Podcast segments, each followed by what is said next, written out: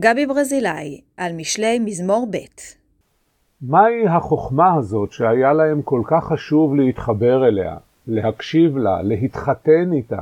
מיהי אותה סופיה נחשקת?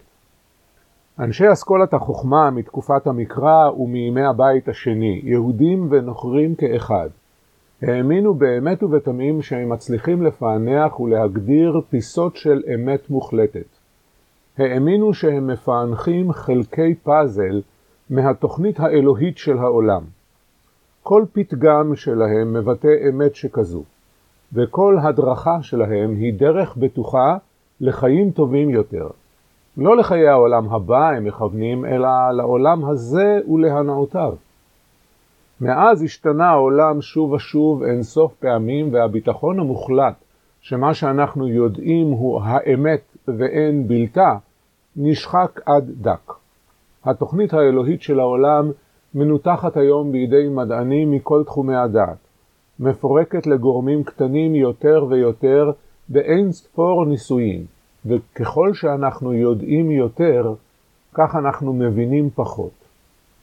דתות רבות פנו כבר מזמן אל העולמות שמעבר, אל העולם הבא, אל הרוחניות המופשטת, אל ממדים אחרים, על מנת למצוא מנוחה ונחמה מחוסר התוחלת שבידע. אחרים פונים בדרכו של קהלת ומכריזים בקול גדול שהכל הבל, שההבנה וההכרה של העולם לא תביא תועלת לא בעולם הזה ולא בבא, שכל שנותר לנו הוא לחיות וליהנות מחיינו, בלי לחפש בהם משמעות מעבר לקיום עצמו. ואולי כל מהות החוכמה היא בנכונות להקשיב. להקשיב לחוכמה אוזניך, תטה לבך לתבונה.